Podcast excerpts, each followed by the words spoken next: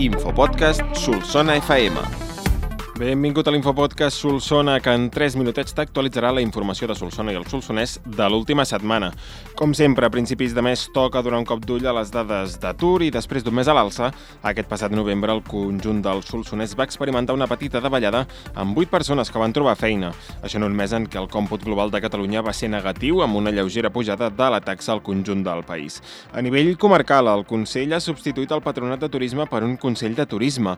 L'últim ple va donar llum verda per una unanimitat a l'extinció d'aquest patronat, un organisme autònom que es va crear el 1989 dedicat a gestionar les polítiques turístiques de l'ENS. Si tenem un cop d'ull als nostres pobles, Pinós rehabilita habitatges per atraure noves famílies i evitar així el tancament de l'escola rural.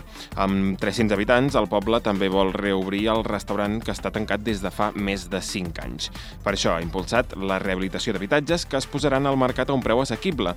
A més, també s'ha fet una crida als propietaris perquè el rehabilitin els seus propis pisos i els posin al mercat. I a Guixers, l'empresa Nauf construirà una planta de biomassa a la fàbrica.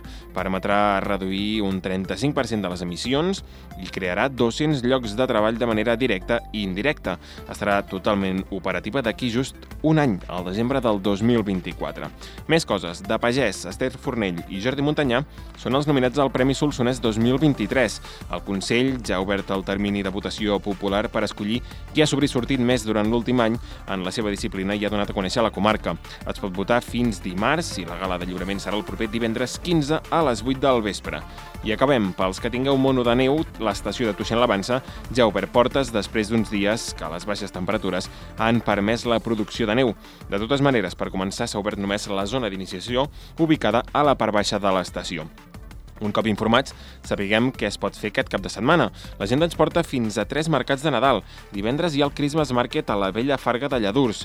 Dissabte a Solsona hi haurà la Fira del Tió que arrencarà a les 10 del matí, amb mercat d'artesania, fira d'entitats i exposició de tions pel nucli antic.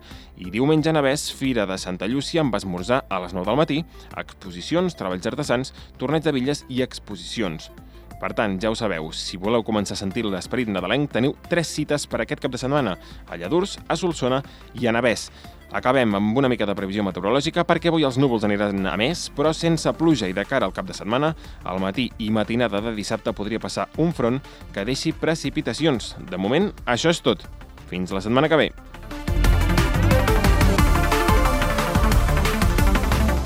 Infopodcast Solsona una coproducció de Solsona FM i la xarxa.